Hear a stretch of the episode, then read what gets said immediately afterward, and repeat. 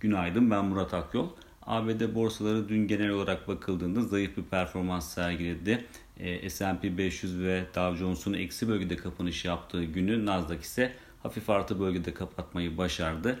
Zayıflığın nedenine baktığımızda ise özellikle verilerin ve bilançoların bu zayıflığa neden olduğunu görüyoruz ki e, bu noktada e, GM'in bilançosu öne çıkıyor. Piyasa beklentisinin altında rakamların ardından e, bir bozulma e, yarattı. Genele yayılan bir bozulmaya yol açtı e, GM'in bilanço sonuçları.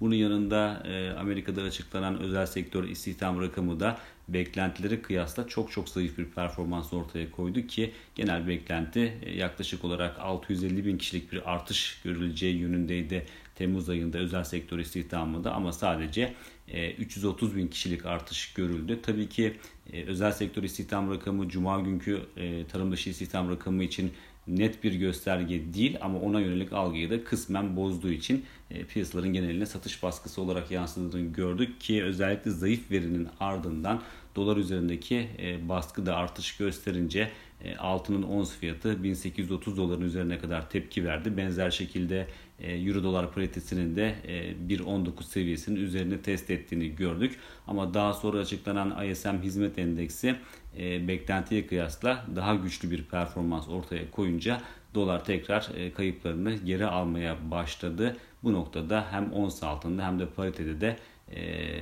özel sektör istihdam rakamı öncesindeki seviyelere geri çekildiğini gördük. Bugüne döndüğümüzde ise bugün piyasalarda dünkü kadar hareketlilik yaratabilecek ölçekte önemde e, bir makroekonomik veri bulunmuyor. Dolayısıyla piyasalar çok büyük ihtimalle yarınki e, tarım dışı istihdam rakamlarını beklemeye devam edecektir. Bir sonraki podcast'te görüşmek üzere.